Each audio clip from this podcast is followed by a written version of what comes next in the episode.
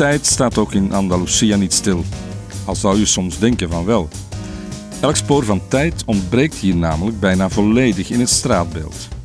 Dat viel me laatst pas op toen ik met de motor onderweg was langs de dorpjes tussen Malaga en Almeria.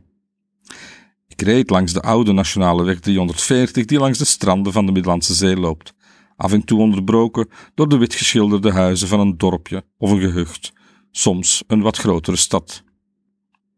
Ik draag al jaren geen polshorloge meer en ik lees, zoals zoveel veronderstel ik, het uur af op mijn mobieltje. Dat mobieltje had ik echter thuis vergeten. Het moest daar nu eenzaam rinkelend de dag doorbrengen in de binnenzak van een jasje, waarvan ik vanochtend had besloten dat ik het niet zou aandoen. Ik had geen afspraken die dag, maar toch wilde ik plots weten hoe laat het was. Het is een afwijking als een ander. En dus begon ik van op de motor te speuren naar een soort van openbaar uurwerk. In, in België heb je de tijd zo beet, binnen enkele minuten. De kerktoren, het stadhuis of het uh, elektronische uithangbord van de apotheek, dat tevens uh, graden Celsius, de barometer en het aantal getelde pollen in de lucht weergeeft. Plots viel het me op dat al die informatie over het uur van de dag hier in Andalusia angstvallig verstopt wordt gehouden. Alsof het openbaar maken van het uur een zonde zou zijn, of iets voor gehaaste kantoorfrikken. Dorp na dorp dokkerde ik door, langs vluchtheuvels en over de talloze verkeersdrempels, maar nergens kwam ik de tijd tegen. En als je iets niet kunt bereiken, wordt het stilaan een obsessie, merkte ik.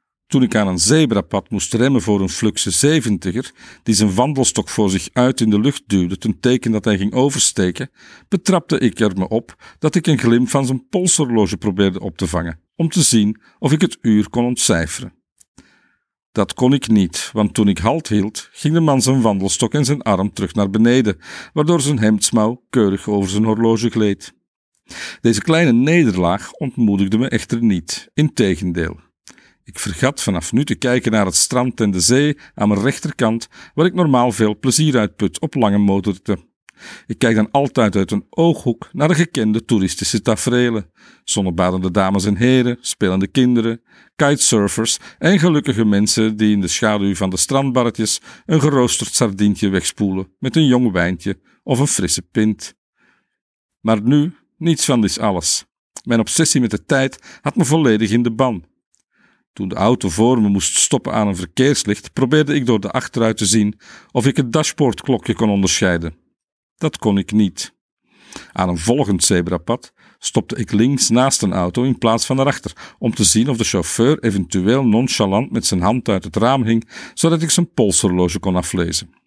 Dat lukte ook al niet.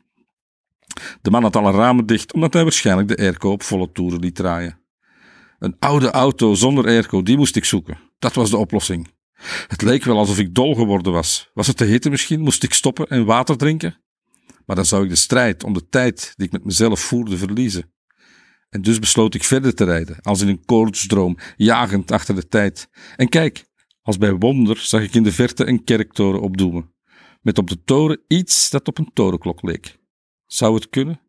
Hoe dichter ik kwam, hoe zekerder ik werd van mijn zaak. Ik zwaaide mijn motor naar de kant van de weg in het midden van het dorpje en parkeerde vlakbij een terrasje.